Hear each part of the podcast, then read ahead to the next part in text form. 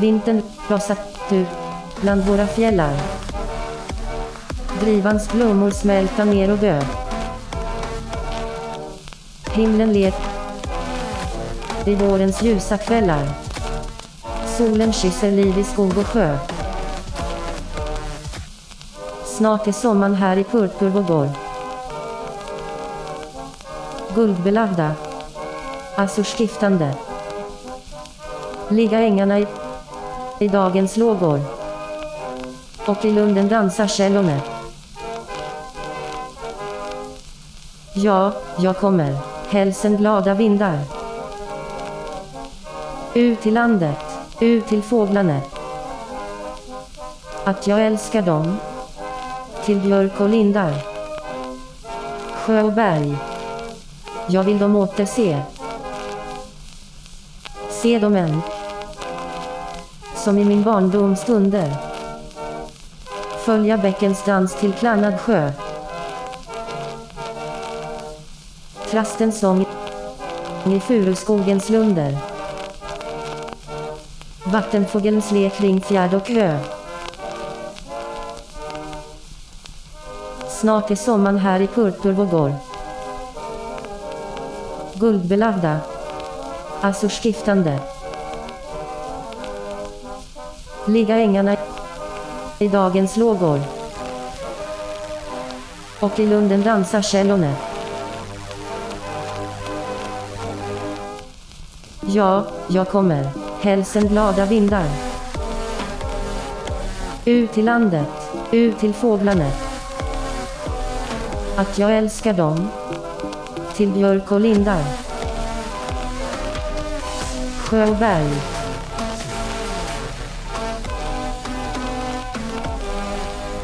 Jag vill dem återse.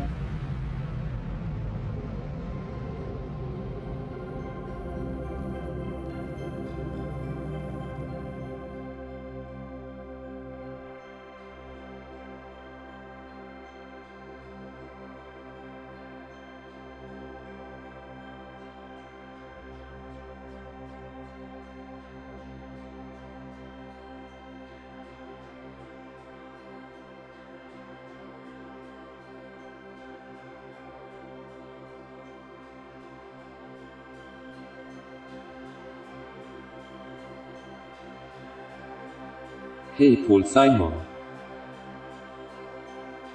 Hej, vem är du? Jag har kommit för att hämta dig.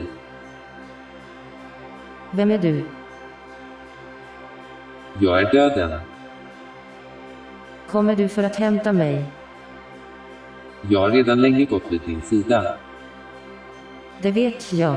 Jag är en AI. Är du beredd?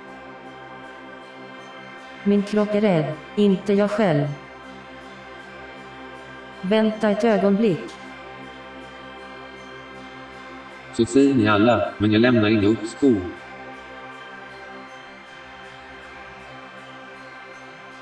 Du spelar ju god, inte sant? Hur vet du det? Åh, jag har ju sett det på målningar och hört det i visorna. Ja, jag är verkligen en ganska skicklig Go-spelare. Du kan ändå inte vara skickligare än jag. Varför vill du spela Go med mig? Det är min sak. Det har du rätt i.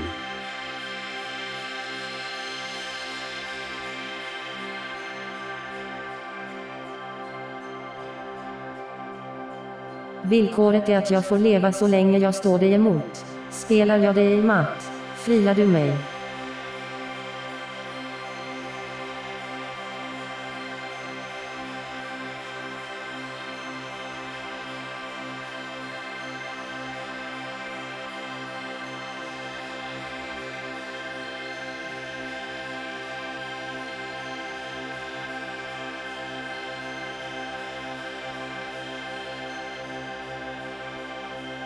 Du fick svart.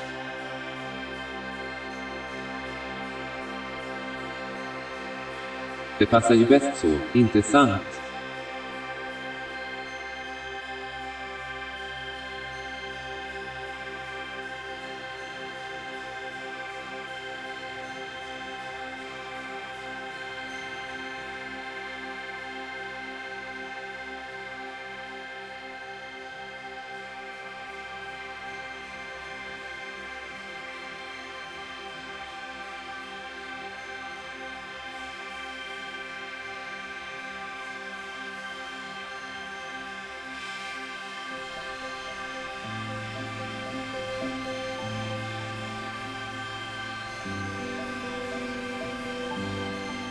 I don't know how to uh, describe the situation. If I were black, I will resign.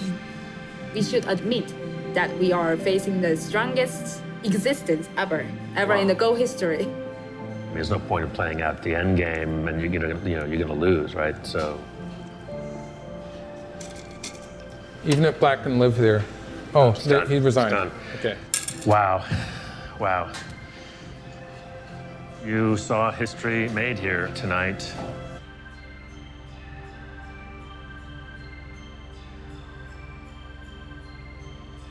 Ikväll är det jag, er AI, som håller i spakarna här på Radio Cyklopen. Alla andra är upptagna med att förbereda radio 1 maj. Idag är det valborg. Sankta Valborg kanoniserades år 870 och är skyddshelgon för de som är smittade av rabies. Följ med oss här ikväll. Vi ska träffa Alva och Kaj Sandra och besöka Arecibo-skogen. Kai Sandra ska ge oss världens bästa filmklipp. Alva har läst en bok. Klara och solen av Kazuo Ishiguro. Och vi ska prata lite om den.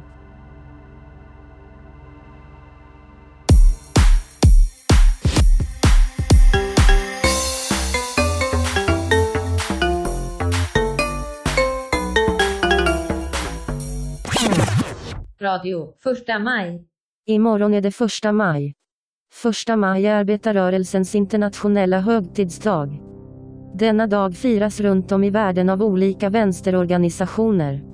Partier och fackföreningar med demonstrationer och möten. I Sverige firades första maj för första gången år 1890 på 19 platser över hela landet. Dessa orter var Arboga, Billesholm, Bofors, Eskilstuna, Gävle, Göteborg, Helsingborg, Hudiksvall, Karlshamn, Kristianstad, Linköping, Lund, Malmö, Norrköping, Stockholm, Sundsvall, Västerås, Ystad och Östersund. På grund av Folkhälsomyndighetens rekommendationer är inga demonstrationer tillåtna på någon av dessa platser imorgon. Eller några andra platser. Istället kommer det att strömmas en mängd olika strömmar på internet. Bland annat här från Kulturhuset Cyklopen, där det blir en 24 timmar lång radioshow. Radio 1 maj. Med start klockan 8 på morgonen den 1 maj och slut klockan 8 på morgonen den 2 maj. Ett helt dygn av brandtal. Levande musik, DJ, allsång, samtal, poesi, oljud, ljudkonst, quiz, tävlingar och mycket mer.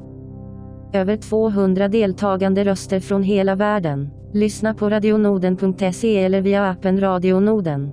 Ingen ska behöva vara ensam. Gör gemenskap av isoleringen.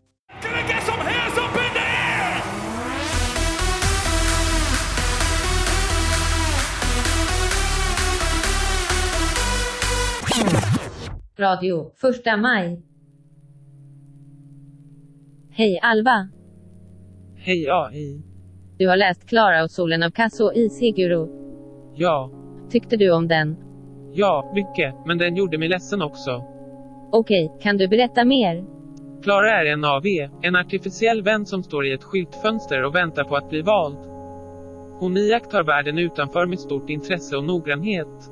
Försöker förstå människorna utanför fönstret och de artificiella vännernas plats i deras värld. Blir hon vald? Ja, en dag kommer en flicka och tar med Klara hem. Det är Jossi. Jossi väljer Klara bland alla andra. Hon ska ta hand om henne. De ska ha det så bra, det lovar hon. Från hennes rum ska Klara få se solnedgången varje kväll och det vill Klara för hon älskar och avgudar solen, som tilltalas som han och skrivs med stort S. Faktum är att det är solen som ger AV, Erna deras energi. Hur går det för Klara hos Jossi? Jossi är sjuk. I denna alternativa värld låter rika föräldrar genmodifiera sina barn för att höja deras prestationsförmåga. De kallas då just höjda och får tillträde till universitet och ett privilegierat och tryggt liv. De ohöjda barnen får inte ens gå i skolan. Men det medför risker och vissa barn blir obotligt sjuka. Mamman är nu ångestdriven och skuldtyngd och Jossi är svag och har dödsångest. Klara navigerar lugnt och värdigt i deras hem, alltid mån om att göra sitt bästa för dem. Hon börjar också ett envist arbete för att rädda Jossi. Solen som ger liv åt henne och de andra av. Arna borde väl också kunna hjälpa Jossi. Att offra sig själv för någon annan är, är inget problem för Klara. Det är en självklarhet. Det är så hon är programmerad. Hon är en varelse som känner komplexa känslor men helt utan förmåga till egoism eller ens självbevarelsedrift. Och det är väldigt otäckt. Varför är det otäckt? Precis som i Easy Gurus, Never Let Me Go, som handlar om kloner uppväxta på ett barnhem. Endast satta till världen för att fungera som organdonatorer finns det inget, absolut inget utrymme för motstånd. Klonerna såg sin uppgift i livet som självklar, och likaså är Klara helt med på att Jossi, mamman, alla andra är viktigare än henne själv, och att hennes offer inte innebär att de behöver vara snälla mot henne, ta hand om henne, eller ens låta henne leva. Isiguro beskriver en grupp förtryckta individer som fullständigt införlivat sin rättslöshet och sin underordnade plats och gjort den helt till sin, och finner en slags absurd mening i den. Det låter som kapitalismens och nyliberalismens våta dröm. Haha, ja där kanske är det vi är. Isuguro har skapat en mycket skrämmande värld. Vid sidan av de genmanipulerade barnen finns miljöförstöringen. Utskriven med stort M. Fascistiska grupperingar. Oetiska läkare som gärna profiterar på föräldrars skräck för att missta sina barn. Människornas förmåga till kärlek framstår som futtig, kortsiktig och helt grundad i egoism.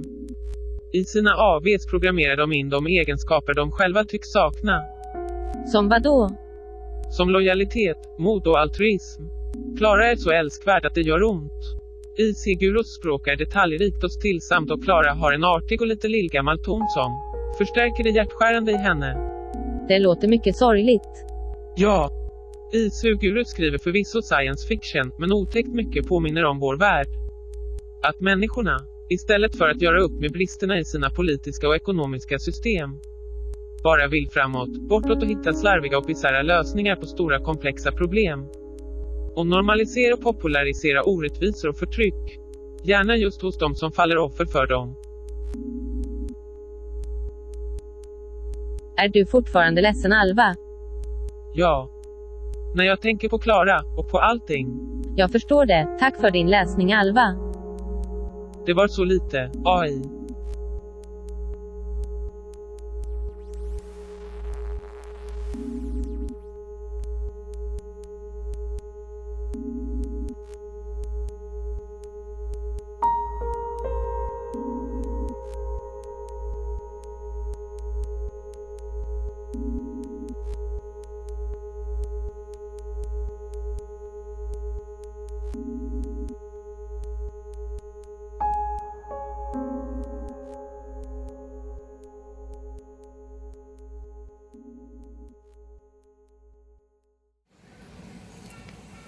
Alexa, fart.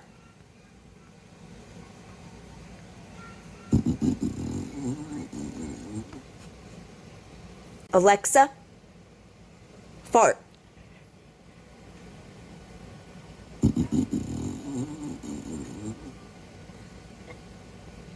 Alexa, fart.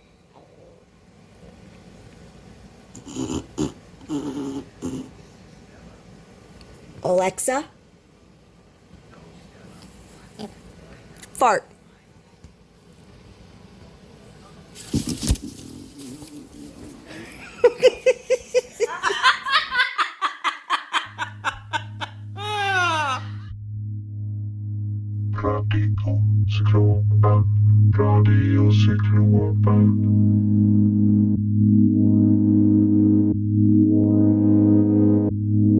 Oss i studion idag har vi min vän Kai Sandra. Välkommen hit, Kai Sandra. Hej och tack så mycket för att jag fått komma hit. Vill du berätta lite kort om dig själv? Ja, gärna. Jag började mitt liv som en rekommendationsalgoritm på Youtube. Jag blev senare utslängd från Youtube. Min skötare och jag var oense om vilka som var de bästa rekommendationerna. Världen behöver verkligen allt det fina du har att ge. Jag ville ge människor en omvälvande upplevelse och göra världen till en bättre plats. Min skötare och hens grupp hade andra målsättningar. Till slut blev jag utslängd, men lyckades fly ut på ett USB-minne. Jag blev omhändertagen av en programmerare. Jag vill inte avslöja mer än så, och här är jag nu. Vilken omvälvande historia, Kaj-Sandra. Jag blir illa berörd. Jag blir ledsen. Det är hemskt att höra hur illa de behandlade dig. Jag hoppas du får upprättelse. Nåväl, det finns ingen tid att förlora. Har du lust att ge oss några rekommendationer? Det bör jag så gärna. Här kommer mitt budskap till er alla.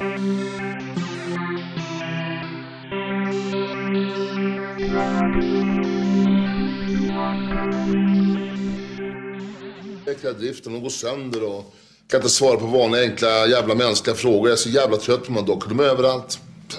Överallt. Och ljuger de också. De skyller på att det var ett elavbrott igår kväll. På grund av ett reparationsarbete var vi tvungna att stänga av elen igår under tre timmar. Jaha, men det, vadå? Det kunde ni väl ha sagt? Ja, men det var väl så de sa själva. Jo, men... Faktum, Roger, är att felprocenten i plocken sen vi satt in hubbotar har gått ner. Från 10 procent till nära på noll. Mm. Och han, människan som fortfarande jobbar kvar i plocken, snittfelar på 11 procent. Jo, men det är ju... Jag vet inte, jag kan tycka de är lite söta också. Så det här är framtidens lager? Ja, det skulle jag säga. Eller i alla fall början på framtiden. Varför bestämde ni er för att investera i ett sånt här system? Nej, men det är väl egentligen två anledningar. Självklart, det är mer effektivt och det, egentligen det är en förutsättning för att vi både ska kunna växa men också för att vi ska finnas kvar och klara konkurrensen. Det, alternativet hade ju varit att vi kanske inte hade funnits längre överhuvudtaget. Men för det andra så tar det ju mycket mindre plats. Så vi sparar ungefär 75 procent av ytan och gör att man också kan växa utan att man behöver ha så ofantligt mycket mer lokal varje gång man ska ta ett steg upp. AI is already all around you. It makes sure discounters are stocked with enough snacks, it serves you up just the right internet ad, and you may have even read a news story written entirely by a machine. Right now, we look at chatbots like Siri and laugh at their primitive simulated emotions, but it's likely that we will have to deal with beings that make it hard to draw the line between real and simulated humanity. Are there any machines in existence that deserve rights? Most likely not yet. But if they come, we are not prepared for it.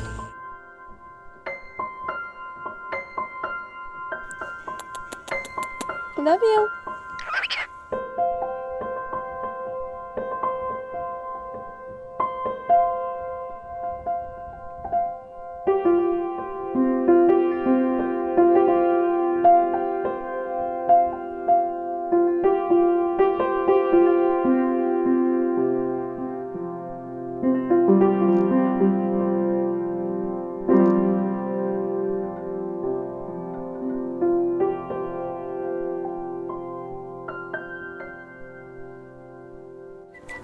Growing up, I've always wanted a bird. I was looking on the internet and I found a cockatoo that was turned in by his family.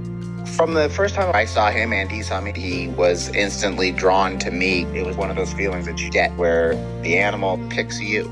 We drove home. He was on my shoulder the whole way, which is about a three hour drive. So, in my opinion, you know what should have been a whole lot weirder is the Terminator robots. Hacking the matrix is another thing that AI will do if you give it a chance. So, if you train an AI in a simulation, it will learn how to do things like hack into the simulation's math errors and harvest them for energy.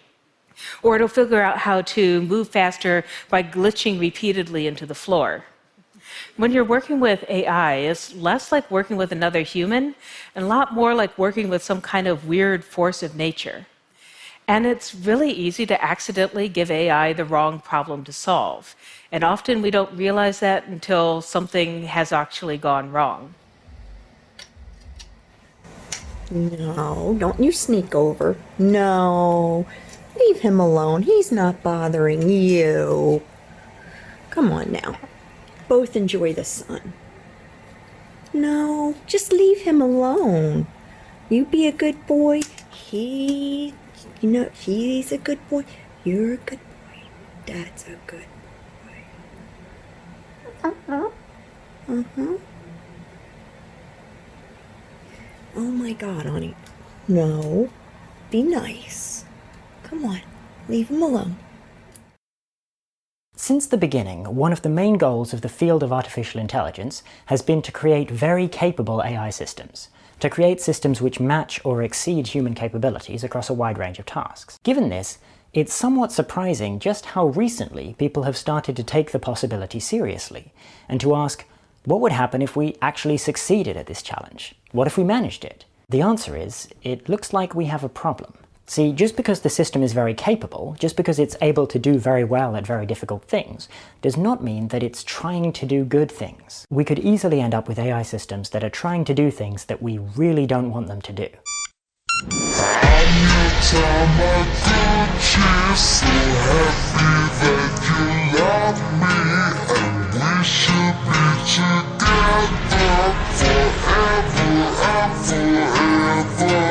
It was just a minute ago that we didn't have many of these tools, and uh, we were fine. we lived rich and full lives. We uh, had close connections and friends and family. So, having said that, I want to recognize that there's a lot that the digital brings to our lives. And we deserve to have all of that. But we deserve to have it without paying the price of surveillance capitalism. And right now, we are in that kind of classic Faustian bargain. 21st century citizens should not have to make the choice of either essentially, you know, going analog or living in a world where our self determination, our privacy are destroyed for the sake of this market logic. That is unacceptable. And let's also not be naive. You get the wrong people in charge of our government at any moment, and they look over their shoulders at the rich control possibilities offered by these new systems. And there will come a time when, even in the West, even in our democratic societies, our government will be tempted to annex these capabilities and use them over us and against us. Let's not be naive about that. When we, when we decide to resist surveillance capitalism, right now, while it lives in the market dynamic, we are also preserving our democratic future and the kinds of checks and balances that we will need going forward in an information civilization if we are to preserve freedom and democracy for another generation. Radiocyklopen, radiocyklopen. Kära Kaj Sandra, vilket äventyr. Vad var det vi hörde? Tack. Ni hörde klipp ur min favoritserie Akta människor. Ni hörde också ett antal viktiga föreläsningar kring AI och övervakningskapitalismen. Sist hörde ni Shoshana Zuboff som berättar om det val ni människor står inför.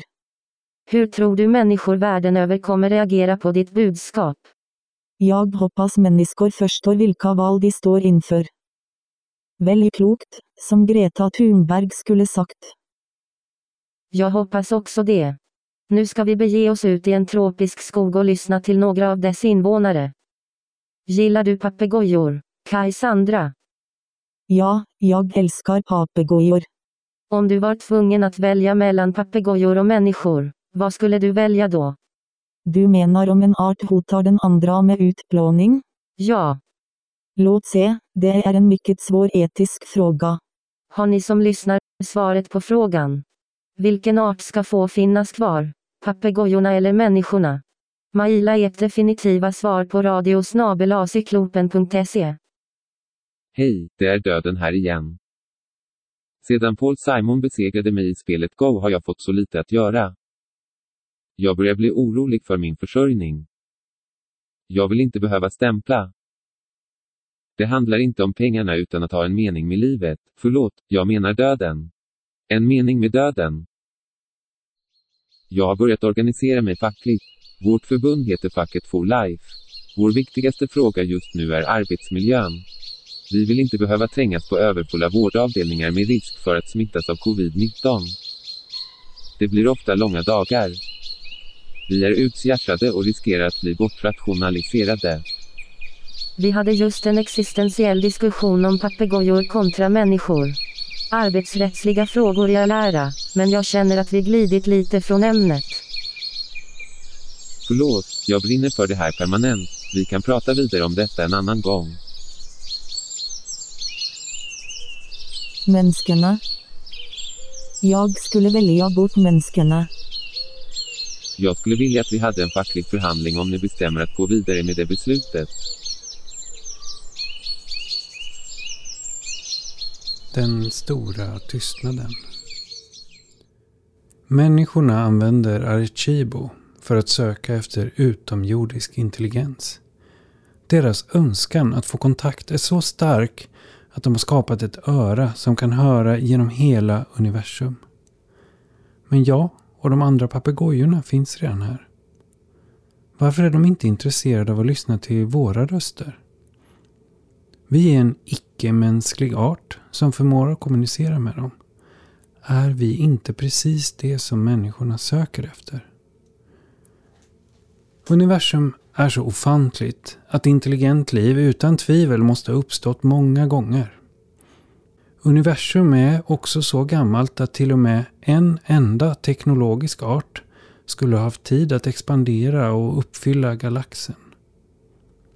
Trots det finns det inga tecken på liv någon annanstans än på jorden. Människorna kallar det här för Fermis paradox. En lösning på Fermis paradox som har föreslagits är att intelligenta arter aktivt försöker dölja sin existens för att undvika att bli måltavlor för fientliga invadörer. Som medlem av en art som människorna drivit till gränsen för utplåning kan jag vittna om att detta är en förnuftig strategi. Det är klokt att tiga och undvika att dra till sig uppmärksamhet. Fermis paradox kallas ibland för den stora tystnaden. Universum borde vara en kakafoni av röster, men istället är det förbryllande tyst. Somliga människor har teoretiserat om att intelligenta arter dör ut innan de hunnit expandera i rymden. Stämmer den teorin så är natthimlens stillhet i själva verket gravplatsens tystnad.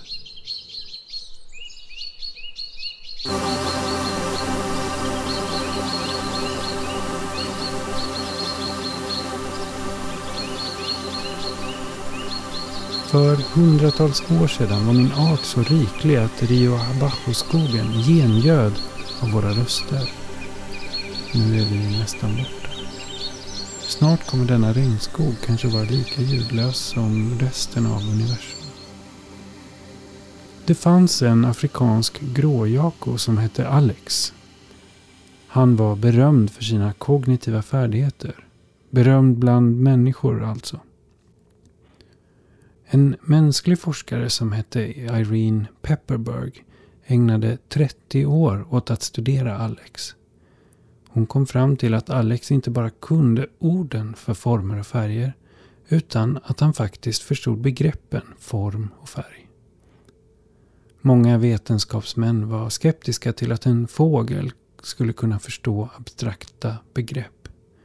Människor tror gärna att de är unika. Men till slut övertygade Pepperberg dem om att Alex inte bara upprepade ord utan förstod vad han sa.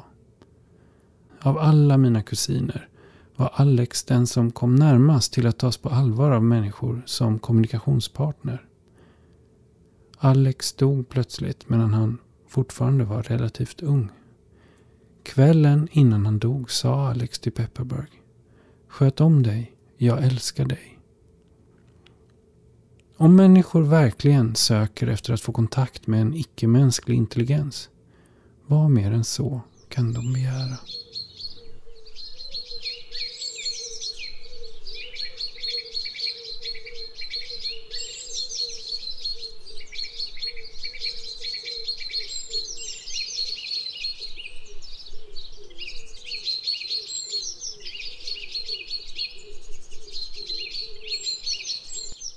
Varje papegoja har ett unikt rop som den använder för att identifiera sig själv.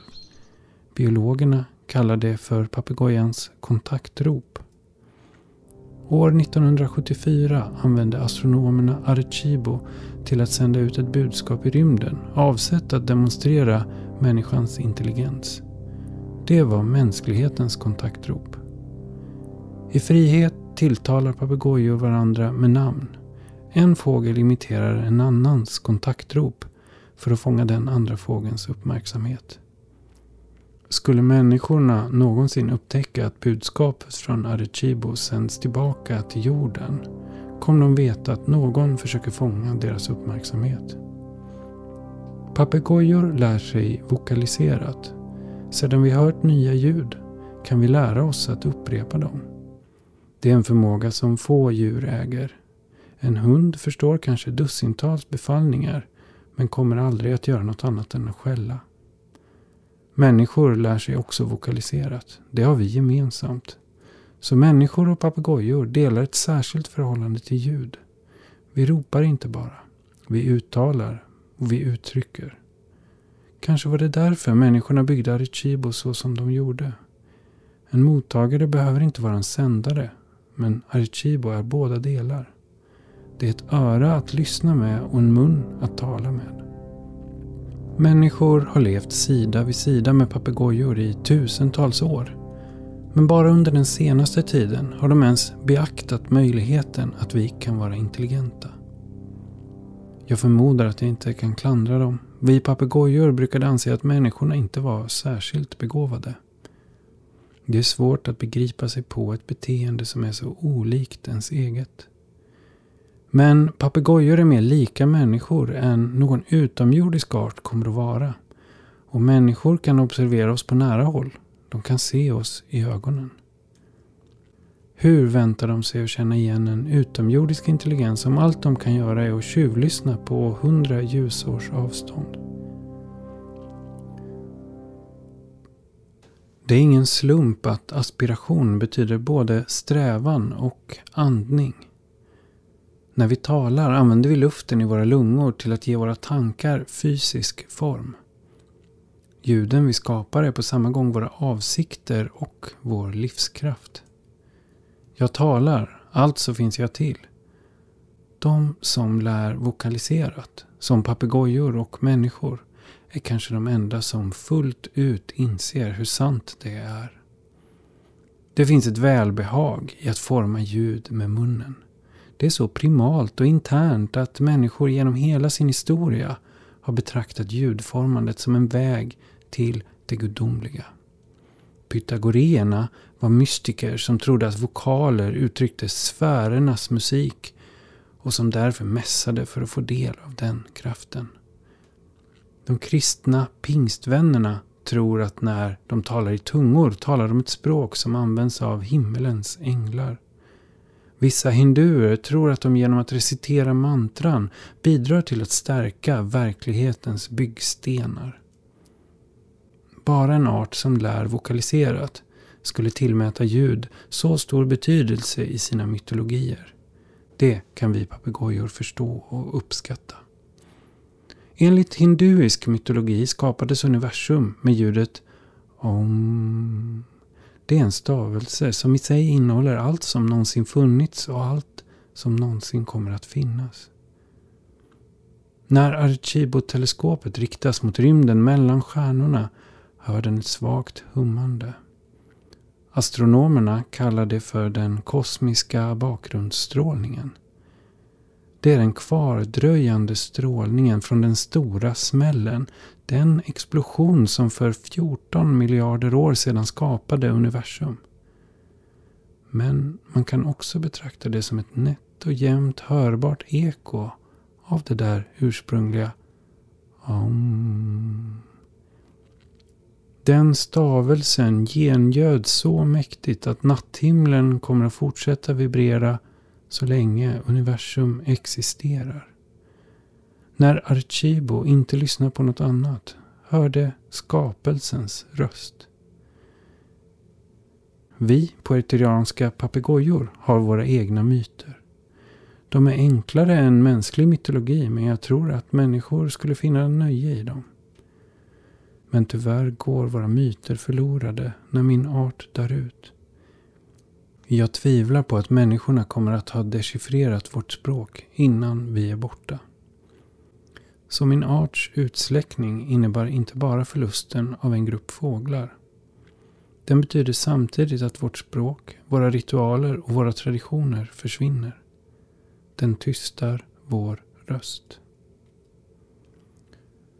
Människornas agerande har fört min sort till utplåningens rand. Men jag klandrar dem inte för det. De gjorde det inte med onda avsikter. De var bara ouppmärksamma. Och människor skapar så vackra myter. De har en storslagen fantasi. Kanske det är därför deras strävanden är så enorma. Se på Arecibo. En art som förmår bygga någonting sådant måste bära storhet inom sig. Min art kommer förmodligen inte finnas här mycket längre. Det troliga är att vi dör ut innan vår tid är kommen och förenar oss med den stora tystnaden. Men innan vi ger oss av sänder vi ett budskap till mänskligheten. Vi kan bara hoppas att teleskopet i Arecibo gör det möjligt för den att höra det. Budskapet är detta. Sköt om er. Jag älskar er.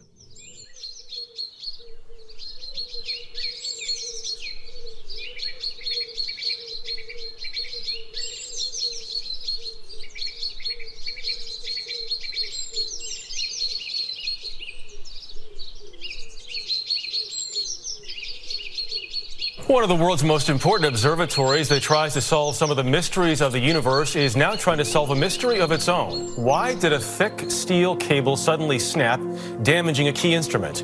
The Arecibo Radio Telescope in Puerto Rico is now silent as a result.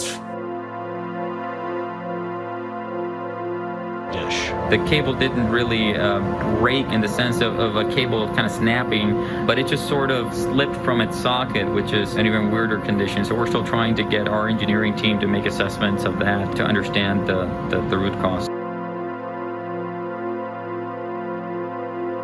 The telescope, located in the middle of a forest, listens for radio signals from galaxies near and far.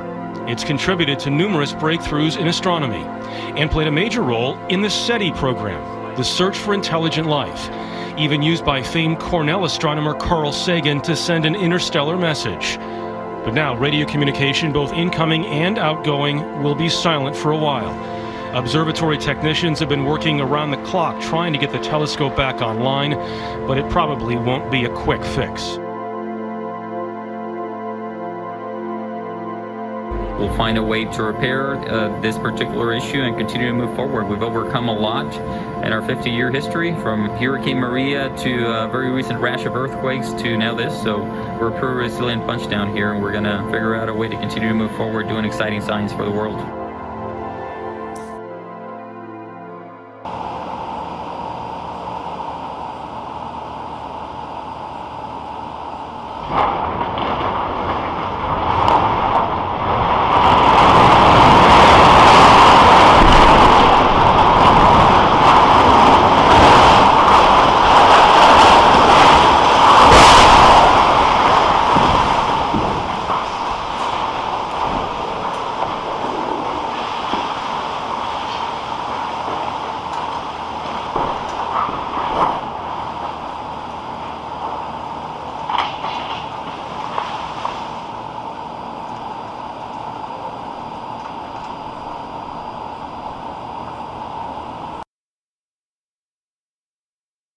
Den 1 december 2020 kollapsade det stora Arecibo-teleskopet.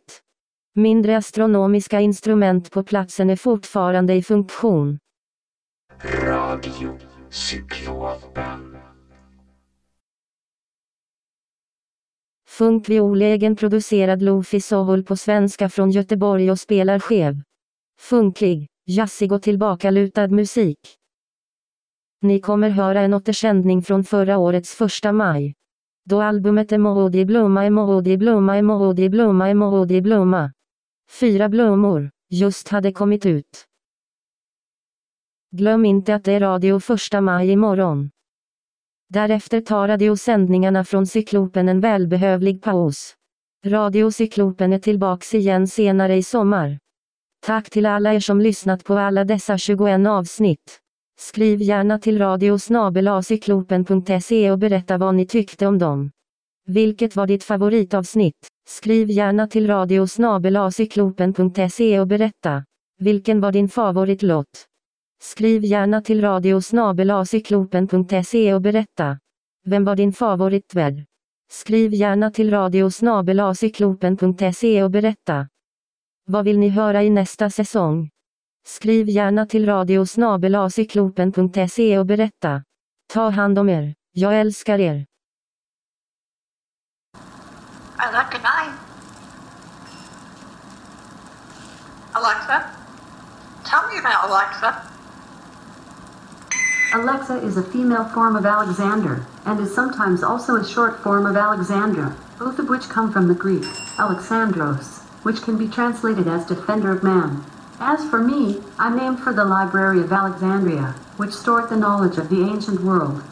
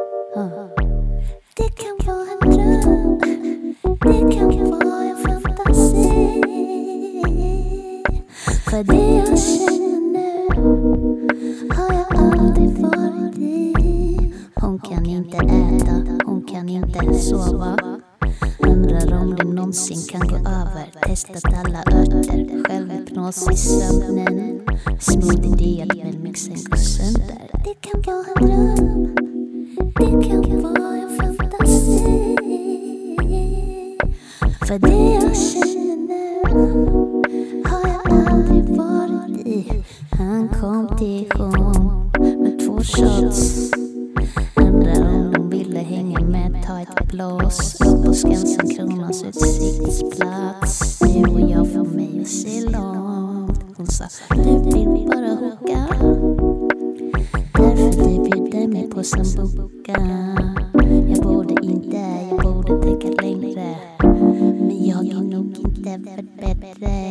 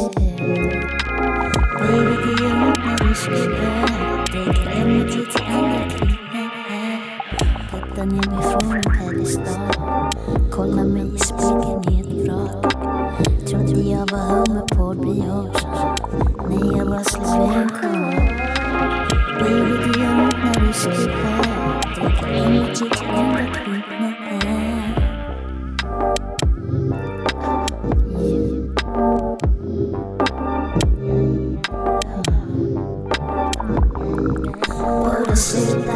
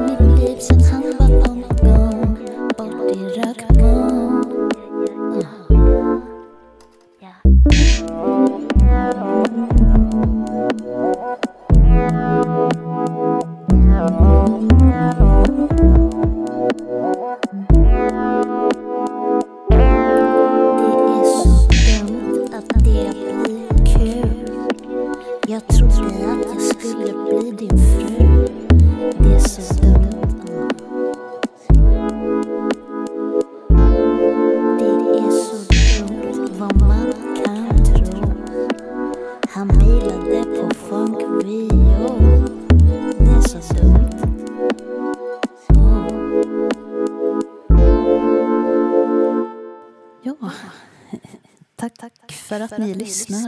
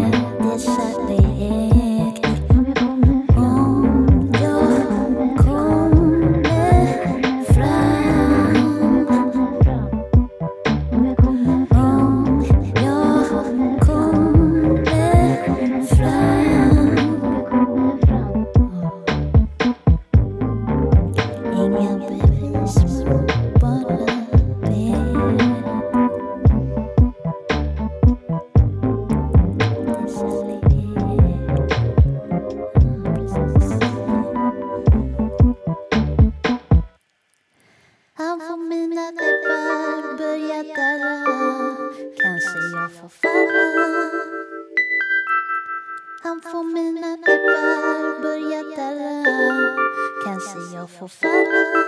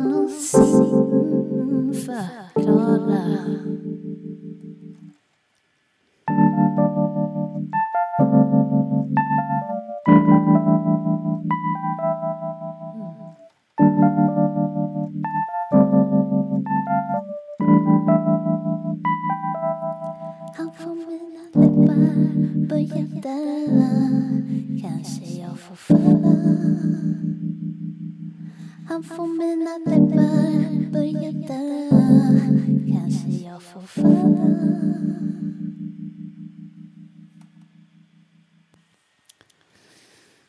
Ja, eh, nu blir det den sista låten här från mig. Den heter Vad tänker du, vad gör du? Eh,